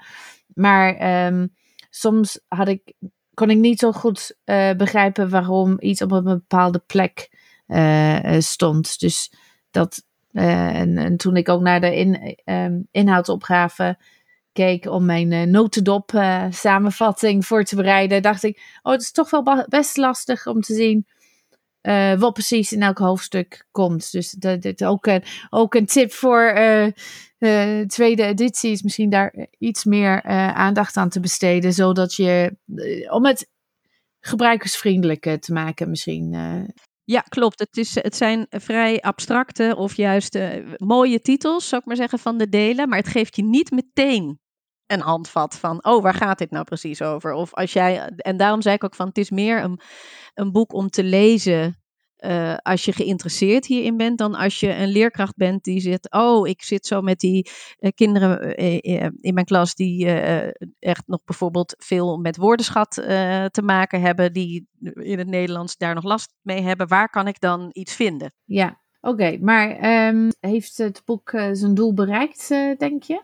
Um, ja, daar twijfel ik dus een beetje mee over. Omdat het dus zo breed is dat het voor de leerkracht, die zal, zich er, die zal er een beetje in verdwalen. En dat misschien een IB'er en een, een directeur die op zoek is naar, uh, goh, wat moeten we nou met die meertaligheid, dat die ook nog net iets te, of dat het nog net iets te veel aan de oppervlakte blijft wat dat betreft. Er zit een heel mooi hoofdstuk in over inderdaad die visieontwikkeling, hoe je daarmee aan de slag kunt. Dat vond ik uh, heel interessant. En dat, dat neemt je echt mee in hoe zo'n school daarmee aan de slag is gegaan. Maar het, het, het, het, is alleen wel zo dat ik zelf niet zo heel veel scholen ken die daar al zoveel, nou ja, misschien ook praktisch heel veel ruimte voor hebben. Om echt zoveel aandacht voor die meertaligheid. Die willen dan wel een beetje daarover nadenken. Maar nog niet zo dat ze er een hele werkgroep op gaan zetten en dat ze hun hele visie daarop gaan aanpassen. Dus dan is dit wel een mooi voorbeeld, maar dan is het zo toegespitst op deze specifieke praktijk. Ja, dus inspiratie, maar misschien niet per se iets dat je gaat uh, zelf invoeren. Oké, dus uh, wat is je eindbeoordeling dan? Ik zat dus de, tussen de drie en de vier sterren. Dus ik vond voldoende weer een beetje, nou, een beetje zuur, ja. zou ik maar zeggen. En, maar als ik dacht van uh, vier is dan goed, uh, dat zat ik er een beetje tussenin. Want, nou ja, om wat ik al net zei. Van, het is zo breed dat om het echt, echt goed te maken voor een leerkracht zouden je denken, nou, uh, focus dan op, een, om, op, op echt die, praktijk, die praktische handvatten. En laat dan een beetje van die context weg. Of, en, en werk aan die structuur even goed. En, uh, en hetzelfde geldt eigenlijk voor als je die doelgroep wat uh, meer naar boven trekt als in IB'er-beleid en dat soort dingen. Dat je dan wat meer daarop. Ja, ja dus een 3,5. Ja, ja. Nou, helemaal mooi. Okido. Dus dat was uh, het eerste boek. Dan gaan we gewoon uh, door met uh, nummer twee. Dus dat is talenbewust lesgeven. dat is geredigeerd door Joanna Duarte, Miriam Gunte, Volve de Bakke, Caroline Vrijns en Paps Gezelle Meerborg. Ik hoop dat ik de namen goed uitspreek. met bijdrage van auteurs uit zowel de onderwijspraktijk als het onderzoek en vanuit Nederland, Vlaanderen en Caribisch Nederland. Hij is uitgegeven, zoals ik net zei, heel recent, dus uh, afgelopen jaar 2022, uh, door uh, Cortino. 365 bladzijden. dus ietsjes, ietsjes dunner dan een andere boek. En hij kost 42,95 euro. Er is ook naast het boek een digitale leeromgeving met links naar onder andere filmpjes, lesmateriaal. Ook een aantal podcastafleveringen van, van Kletsets, dus uh, ook heel erg leuk. het boek is ingestoken eigenlijk vanuit het idee dat de talige diversiteit van leerlingen ingezet kan worden om het prestatiekloof tussen leerlingen te dichten door talenbewust les te geven. Dus het gaat om hoe, hoe doe je dat? En de auteurs geven aan dat ze rijke inzichten willen geven en concrete handvatten uh, bieden om een meertalige wending in klassen en op scholen te blijven realiseren. Doelgroep hier is ook best breed. Dus leraar en opleiding, leraaropleiders, basisschoolleraren, schoolleiders en schoolbestuurders in Nederland, Vlaanderen en Caribisch Nederland. Maar ze geven ook aan dat het boek interessant kan zijn voor interne uh, begeleiders, pedagogische begeleiders, onderwijsassistenten, taalcoördinatoren, beleidsmakers, logopedisten en zorgcoördinatoren en ook studenten. Wie niet, dan vraag je vraag je je misschien af. Maar er is in ieder geval een, een, een, hoofd, uh, een hoofddoelgroep afgebakend. Hij bestaat uit drie delen met in totaal 17 hoofdstukken. Het eerste deel gaat om uh, principes achter krachtig taalonderwijs. Deel 2 over de relatie tussen taal in de klas en de samenleving. En deel 3 over hoe je talenbewust onderwijs op schoolniveau kunt inrichten.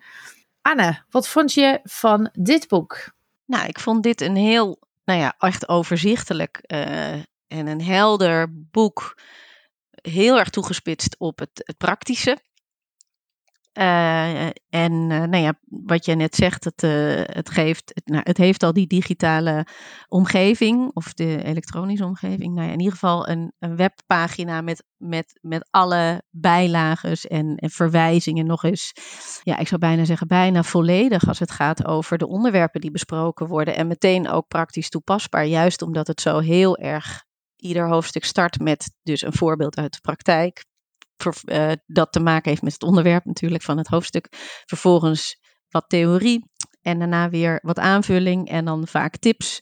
En ook nog wat uitdagingen met vragen zelfs. Dus het is een soort mix tussen een handboek, werkboek voor de praktijk. We hebben natuurlijk wel ook inleidende hoofdstukken waar ze het hebben over van waar komt dit nou vandaan? Of wat is de theorie erachter, achter talenbewust les, uh, lesgeven? Waarom doen we dit eigenlijk? Maar het slaat eigenlijk alles over van uh, waarom struggelen we hiermee? Of we struggelen hiermee en hier kunnen we. Nee, het is hoe word je nou eigenlijk zo'n talenbewust uh, leraar? Ja, als je voor de klas staat, denk ik. ja, en uh, dus eigenlijk um, zou je kunnen zeggen, om even terug te gaan naar het eerste boek, dat je daar meer de, de achtergrond en het geschiedenis van het geheel zou kunnen lezen. En hierin uh, heb je praktische. Precies, daarom zei ik dat de combinatie is op zich heel uh, mooi ja. wat dat betreft. Ja. Wat zijn de sterkere punten daarvan, behalve wat je al hebt genoemd? Nou, ik vind dus inderdaad hier heel veel fijn dat er heel veel boekentips en literatuurverwijzingen in zitten. En dus ook gebruik wordt gemaakt van, omdat het ook uh, Vlaamse auteurs heeft en uit het Caribisch gebied, dat daar ook dus uh, ervaringen en kennis ja. van wordt meegenomen. Wat natuurlijk heel waardevol is, omdat ze op sommige plekken gewoon al daar ook meer ervaring, meer onderzoek naar hebben gedaan. Dus dat, ja, en dus die verschillende schrijvers, die dus ook vanuit verschillende perspectieven schrijven, vind ik heel erg mooi. Maar en daarbij, dus ze blijven niet hangen in die theorie, wat je wel vaak hebt natuurlijk als je echt uh, die onderzoeken uh, zou lezen. Ze, ga, ze, gaan, ze maken echt de vertaalslag ja. naar die praktijk. Ja, maar toch vond ik dat de, de theorie echt goed, uh, goed genoeg, breed genoeg of diep genoeg werd behandeld. Dus dat je daar echt ja. iets van, van meekrijgt hij is wel geschreven met, in tegenoverstelling tot het eerste boek, met zeg maar de citaten in de tekst zelf, hè, in plaats van noten. Zoals ja. je zou hebben in een academische tekst. Ja. Ik, ik vroeg me af of dat storend kan zijn. Ik weet het niet. Wat denk jij? Dat kan natuurlijk wel, omdat uh, en het zijn ook wel weer in tegenstelling tot het, uh, het boek van Lidie Peters. ja, het is iets heel kleins hoor, maar het lettertype is wel wat kleiner. En dan met al die verwijzingen ertussen kan het dan toch de indruk wekken dat het best wel veel lappen tekst zijn, snel. Um, dus dat, dat zou inderdaad wel een, een misschien dat, dat dan een soort barrière gaat opwerpen. Dat iemand denkt, oh, ik ga het even inbladeren. En het is best wel een, het is best wel zwaar. Dus het is al best wel een stevig boek. En dan, en dan ga je er een beetje zo in bladeren. En dan zie je meteen uit de theorie, lees je dan, denk je, oh, oh jee. Maar als je het dan leest, ik vind het dus echt wel goed geschreven, wat dat betreft.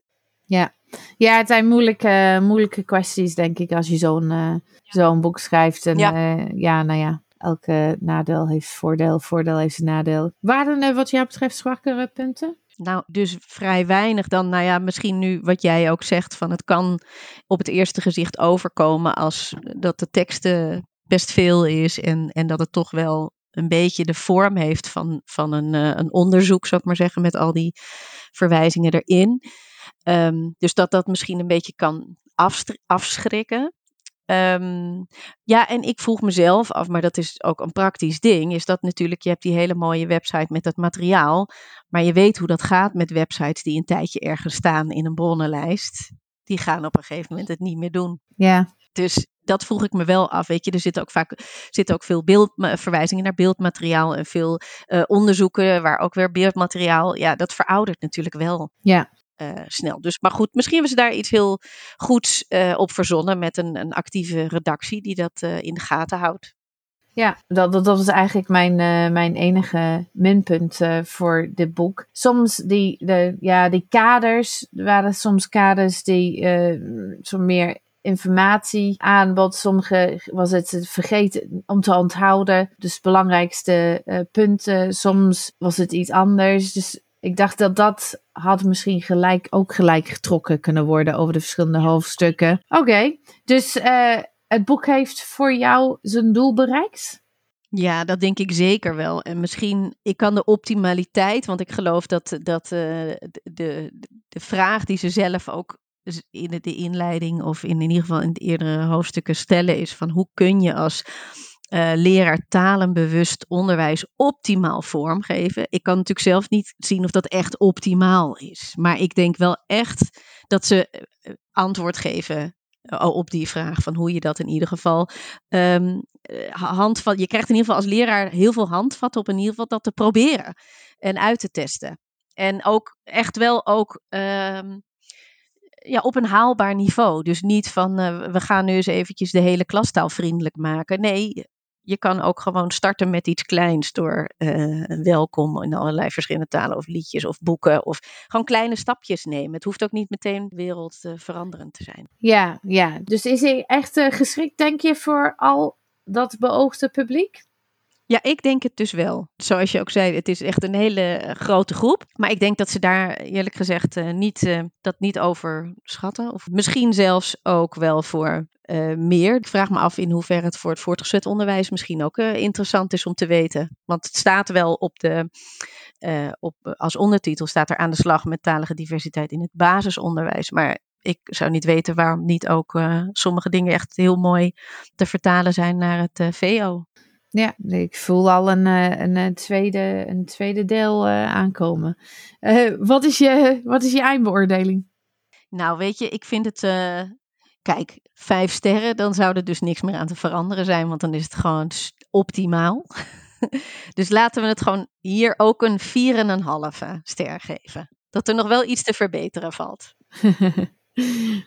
ja, maar je raadt hem in ieder geval aan ik raad hem zeker aan. En dus ook wel echt uh, aan die doelgroep. Ik, ik, dit is echt een boek waar ik wel ook uh, leerkrachten zeker op wijs. Dank aan Anne voor het delen van haar inzichten als onderwijsadviseur over deze twee boeken. Zoals ik aan het begin zei, heb ik deze twee boeken ook met iemand besproken vanuit het onderwijs. Iemand die zelf voor de klas staat. De beoogde doelgroep dus van beide boeken. Dit is Maaike Meijer. Met Maaike heb ik de boeken juist in de andere volgorde besproken. Dus we gaan het eerst hebben over het boek Talenbewust lesgeven en daarna komen we terug bij het boek van Lidie Peters.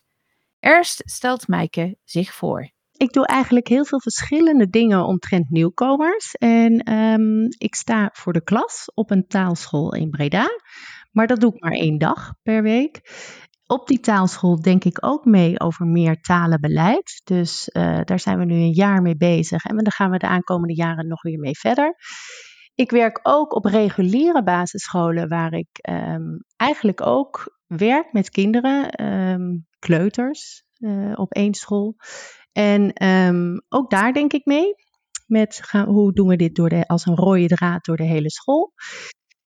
Ik heb ook nog een remedial teacher praktijk. Dat heb ik al heel lang, maar dat ga ik nu afronden omdat ik me helemaal wil focussen op, de, op het de onderwijs aan nieuwkomers. En dan geef ik nog lessen op de weekendschool. Dat is een vrijwilligersinstantie die werken met nieuwkomers. En ik geef, en dat vind ik een heel leuk project, muzikanten die nu uh, liedjes en muziek aan het maken zijn voor nieuwkomers. Om het uh, woordenschat te vergroten, maar ook om muziek met elkaar te maken. Uh, en die geef ik ook les. Dus allerlei verschillende dingen omtrent nieuwkomers.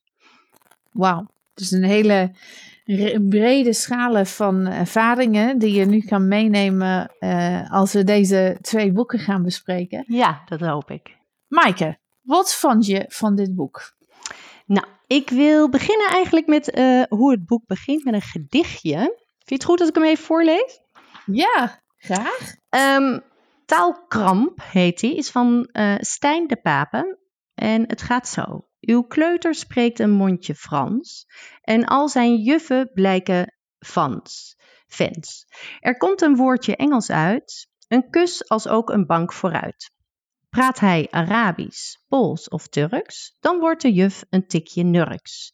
Meertaligheid een waar festijn, als het maar de juiste talen zijn. En dan staat eronder: dit boek is voor iedereen die van alle talen in de klas een festijn wil maken. En ik lees dit voor omdat ik denk, daar gaat echt het hele boek. Dat is de rode draad van het boek. Ja. Ehm, want ehm, het is zo, hè, je moet het niet zien als een probleem wat opgelost moet worden, maar uh, als een rijkdom wat je moet benutten. Deze zin heb ik niet zelf bedacht, maar die heeft uh, Ellen Rose Campbell van de, trans, of van de uh, taalvriendelijke school heeft deze ja, bedacht. Ja. Um, maar ik zeg hem omdat dat ook echt, uh, dat voel je door het hele boek heen. Het heet ook talenbewust lesgeven. Uh, het gaat ook over een talenbeleid.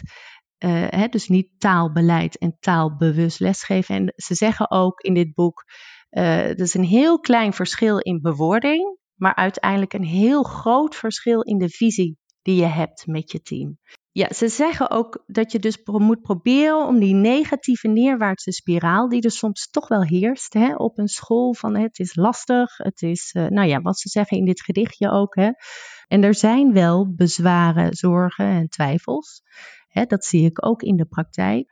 En ik vind het ook, het is volgens mij, ik zie het echt als een studieboek, uh, wat je eerst helemaal van voor tot achter zou moeten lezen. Uh, dat heb ik zelf ook gedaan. En dan um, vervolgens is het dan ontzettend veel informatie. Maar uh, dan kan je weer gericht naar één hoofdstuk schieten en denk van dan ga ik me daar nu eens even op richten. En dat is heel afhankelijk natuurlijk van de situatie waar je in zit. Uh, ben je een leerkracht en wil je meer weten van goh, hoe kan ik die verschillende talen nu een plek geven in mijn klas? Dan is daar een specifiek hmm. hoofdstuk voor. Um, en uh, als jij denkt als, hè, want ik, ik geef dus ook les voor de Hogeschool uh, Utrecht. En um, er zitten heel veel prachtige opdrachten aan het eind van elk hoofdstuk. Uh, dat noemen ze ook de uitdagingen. Uh, en daar geven ze opdrachten die ik heel mooi kan inzetten uh, in mijn lessen aan docenten om ze aan het denken te zetten of met ze een opdracht mee naar huis te geven. Ik vind het ook heel makkelijk om te lezen. Het is, uh, ook dit is een rijke taal, dat moet ook wel, hè? het gaat over taal, dus het is ook in rijke taal geschreven. Ja, en je, mij heb je als je dus met leuke titels komt. Dus ze hebben bijvoorbeeld, hoofdstuk 4 heet Juf Tamazicht is overal, met heel veel O's, overal bij mij. Uh, en dat hoofdstuk gaat over talensensibilisering.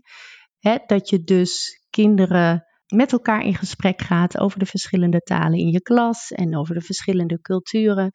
Um, en dit meisje is dus een, uh, dan maken ze een talenportret. Dat is dus dat je met de kinderen, uh, dan heb je een poppetje met alleen de, hè, van buitenkant omcirkeld. En dan mogen de kinderen in dat poppetje kleuren van, goh, welke talen uh, zitten er in jouw lichaam? Welke, in welke taal denk jij? Welke zit in je hart? Nou ja, en daar is die titel dan van. Juf, Tamazicht is overal bij mij. Dus jij, jij hebt al een paar uh, dingen uit het boek ingezet. Ja, ja, het is, uh, nou ja, ik zet het zelf in omdat het eigenlijk ook voelt. Dat je denkt, dit is zo zonde als we dat zouden laten liggen. Hè? Eigenlijk vanuit mijn hart denk ik ook altijd van dit is de meest logische manier om met talen om te gaan. Maar ja, er is natuurlijk heel lang gedacht hè, dat taalbad, dat kinderen alleen maar Nederlands moeten ja, spreken, ja. omdat het, uh, ja. hè, dat komt ook allemaal terug in jouw uh, andere afleveringen. En doordat ik er zoveel over lees en over lesgeef, weet ik niet anders. Maar toch zie je het nog gebeuren, hè, dat leerkrachten zeggen van, ik hoor jou niet, ik versta je niet. Um, dus dat die houding er nog steeds wel is. Ja, ja, zeker. En denk je dat, uh, dat leerkrachten die nog uh, twijfels hebben over de, de nut van meertaligheid, uh, zeker in de klas en voor het leren van het Nederlands, denk je dat zij iets zullen hebben aan dit boek? Ja, ik denk het, of ik denk, het is ook ehm, vanuit de opleiding hè, waar ik voor les geef, is het verplicht literatuur. Het is een, het is een boek wat je meeneemt en waardoor ook je onzekerheden of je vooroordelen worden uh, eigenlijk tegengesproken doordat er uit allerlei onderzoek, internationaal onderzoek, wordt bewezen uh, dat het goed is om die talen in te zetten, om ze te, om te, ze te gebruiken. Dus um, en dat komt in elk hoofdstuk weer terug vanuit verschillende invalshoeken. Hè? Vanuit wat je zei al, vanuit het onderzoeksveld en vanuit de praktijk. Ja, dus ik, uh, mijn, mijn tip is ook, dit is echt een boek om mee te starten. Als je denkt van, goh, ik wil er meer van weten. Um, ik wil binnen onze school veranderingen aanbrengen. Of ik wil als leerkracht, um, hè, er is wat mee doen, maar ik weet niet zo goed waar ik moet beginnen. Dan is dit een prachtig startboek, vind ik. Ja, ja. dus uh, als het gaat om uh, de vraag of hij geschikt is voor het beoogde publiek. Nou, we hebben net een hele reeks van mensen opgenoemd. Die, ja. uh, waar, maar, maar goed, jij ziet het wel dat hij wel door verschillende mensen die in het onderwijs werken gebruikt zou kunnen worden. Ja, ja, absoluut. En het is ook, er is ook één hoofdstuk toegewijd aan de peuters. Um, het, het is ook, uh, in het begin zeggen ze, het is echt voor de basisschool. Ik denk, ik begrijp het eigenlijk niet goed, want ik denk, dit is ook voor het middelbaar onderwijs, MBO, zou dit volgens mij ook een prachtig boek zijn. Uh, misschien zijn de, moeten de voorbeelden uitgebreid worden op het middelbaar onderwijs, maar um, eigenlijk maakt het niet uit of het voor het basisonderwijs of het middelbaar onderwijs uh, zou zijn. Ja, dus ik, ik vind het een, het is een boek voor iedereen die in het onderwijs werkt. Ja. Ja, Mooi. Dus je hebt al een aantal sterke punten opgenoemd. Zijn uh, zwakke punten van het boek? Of, nou ja, ik weet niet of ik niet kritisch ben, maar ik vind het een vijf sterren. Waarom? Nou ja, wat ik dus net ook zei, de, uh, alles wordt eigenlijk aangetikt, er wordt over gesproken. En ik kan me heel goed voorstellen als je denkt, hè, bijvoorbeeld het onderwerp ouderbetrokkenheid, ouderparticipatie, dat zeggen ze, hè, dat is ontzettend belangrijk als het niet de basis is, hè, om die ouders erbij te betrekken dan begin je met dit boek en vervolgens hè, ga je artikelen zoeken erover of uh, een ander boek erover. Maar dit is, ik vind dit een heel mooi boek om, uh, om mee te starten. Ja. Ja, nou, mooi. Ja, ik heb nog één ding wat ik ook heel mooi vond. Uh, ze eindigen met het boek over, en dat speelt wel heel erg op scholen nu ook. Dat noemen ze assessment. Hè, dus hoe evalueer of beoordeel je die leerlingen?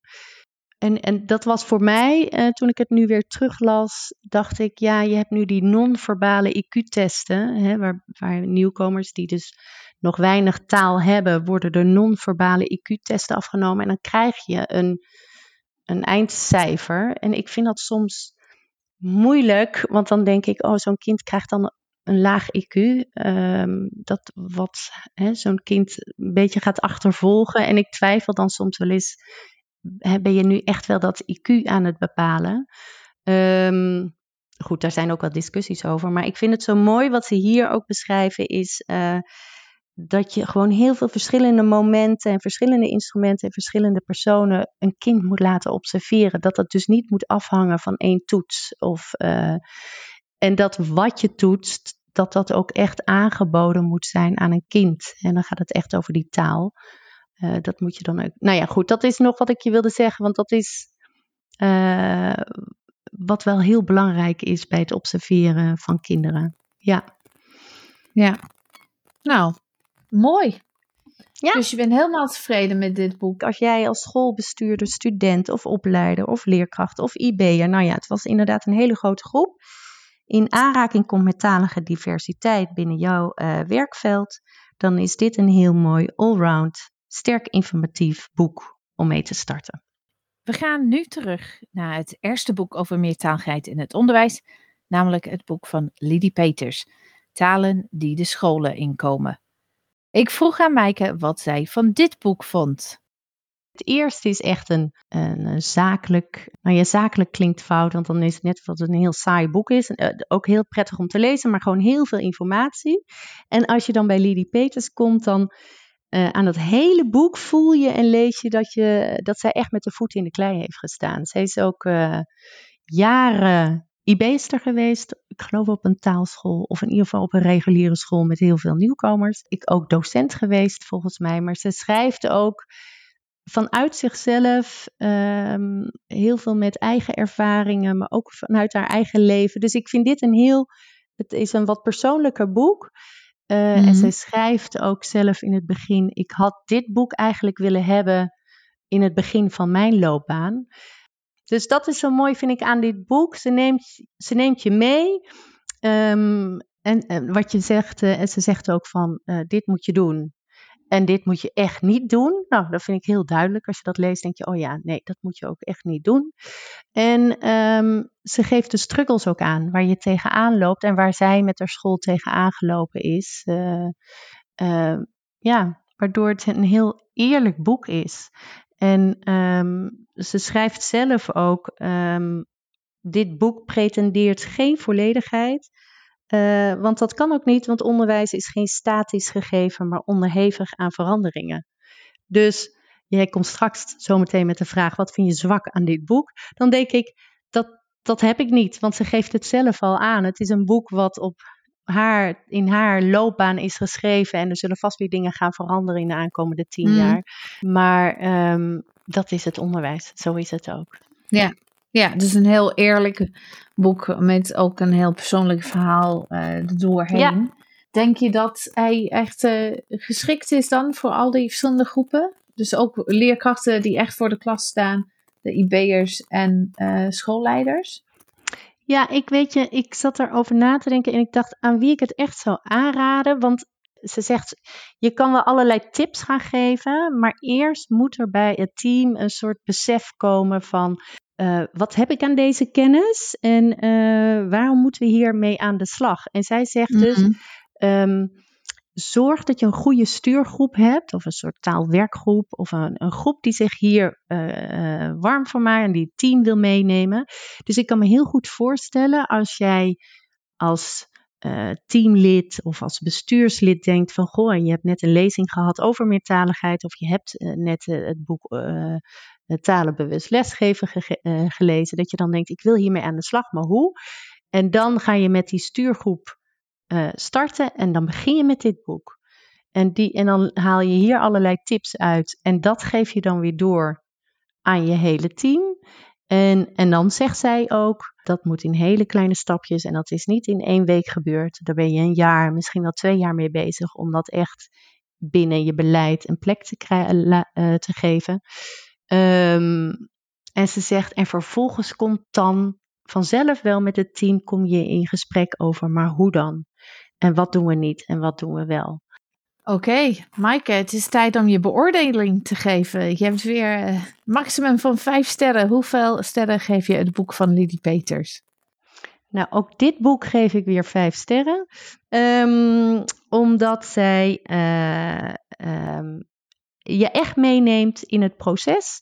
En um, waar je met je team uh, zij geeft je echt tips om met je team aan de slag te gaan.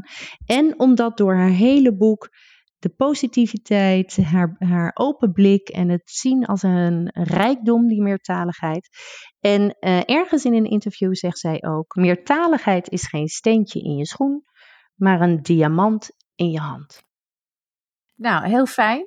Dankjewel, Maaike, voor je inzichten. Ja. Ik denk dat uh, veel leerkrachten en uh, mensen uit het onderwijs die luisteren jouw uh, ideeën over deze twee boeken zullen waarderen. Dankjewel. Ja, oké, okay, dankjewel. Ook wat betreft deze twee boeken deel ik de meningen van mijn twee gasten. Voor een compleet beeld van de huidige stand van zaken als het gaat om meertaligheid in het onderwijs zou ik de combinatie van beide boeken aanraden. Als je vooral op zoek bent naar concrete tips en ideeën en tegelijkertijd ook iets wilt leren over de meest recente inzichten vanuit het onderzoek, dan kun je het beste voor talenbewust lesgeven kiezen. Maar mocht je vooral graag meer achtergrond willen hebben over de plek van meertaligheid in het onderwijs, en ben je op zoek naar concrete voorbeelden en advies rondom talenbeleid op school? Wil je meer ervaringsverhalen horen van leerkrachten en schoolleiders? Dan zou ik voor het boek van Lidie Peters kiezen. Ook van deze twee boeken hebben wij één exemplaar om weg te geven. Dank aan Lidie en Joanne Duarte en collega's hiervoor. Wil je kans maken op één van de twee? Ga snel dan naar onze Insta-pagina. Daar kun je je opgeven tussen 16 en 31 juli om mee te dingen voor een van de twee. Dus wees er snel bij. Ik wil al mijn gasten bedanken voor hun bijdrage aan deze aflevering. Ik hoop dat jullie, de luisteraars, iets hebben gehad aan de verschillende perspectieven die vandaag aan bod zijn gekomen. Ben je van plan om op basis van deze aflevering een van de boeken te gaan kopen? Dan overweeg om dit te doen via ubdo.com. Ubdo, dat schrijf je U zoals Engelse U, dus Griekse I-O-U, B-B-E-D-O. ubdo.com. Als je een boek koopt bij Ubdo, dan doneren zij tot 12% van het aankoopbedrag uh, aan een goede doel. Dus je krijgt drie goede doelen waaruit je kunt kiezen en dan gaat 12% van het aankoopbedrag naar dat goede doel. En als je het niet online wil kopen, ga dan naar je lokale boekenwinkel. Voor meer boekentips kun je ook luisteren naar de extra aflevering bij seizoen 2, waar wij onder andere het boek van Marinelle Orioni, Het meertalige kind, bespreken. Dat was het voor deze aflevering. We zijn er weer over een maand met een aflevering over meertaligheid en rekenen. Hoe werkt het tellen en rekenen in verschillende talen? En wat voor effect heeft dat op het leren rekenen als je meertalig opgroeit? Hoe pak je als leerkracht het reken- en wiskundeonderwijs aan in een meertalige klas? Dat en meer volgende maand op Kletsheads. Wil je meer weten over Kletsheads? Ga dan naar www.kletsheadspodcast.nl. Daar vind je ook meer informatie over deze aflevering. Wil je geen aflevering missen? Abonneer je dan op Kletsets via je favoriete podcast app. Kletsets vind je ook op Facebook, Twitter, Insta en LinkedIn. Onze naam uit Kletsets en al. Ken je iemand die de podcast misschien leuk vindt en die hem nog niet kent? Dan zou ik het heel fijn vinden als je hem zou delen. Bedankt voor het luisteren en graag tot de volgende keer.